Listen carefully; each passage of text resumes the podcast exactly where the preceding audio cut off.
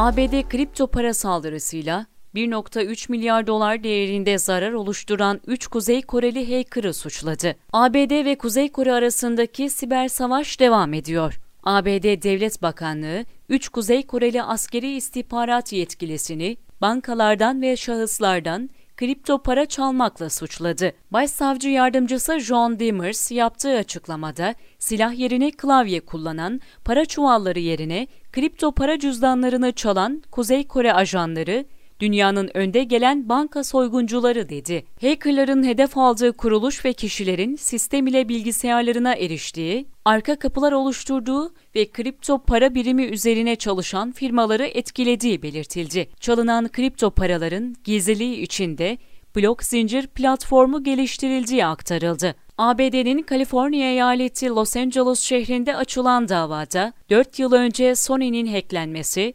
WannaCry fidye yazılımının geliştirilmesi ve Bangladeş Merkez Bankası'ndan 81 milyon dolar çalınması konu edindi. Davada bazı Kuzey Kore ajanlarının isimleri geçerken bu isimler için ABD'nin yetkili mercilerinde kayıtları olduğu belirtildi. Söz konusu grubun Lazarus Group ve APT-38 olarak bilindiği aktarıldı. Ayrıca hackerların Slovenya ve Endonezya'da dijital para şirketlerini hackleyip soydukları ve 11.8 milyon dolarlık New York borsası hırsızlığı yapıldığı belirtildi.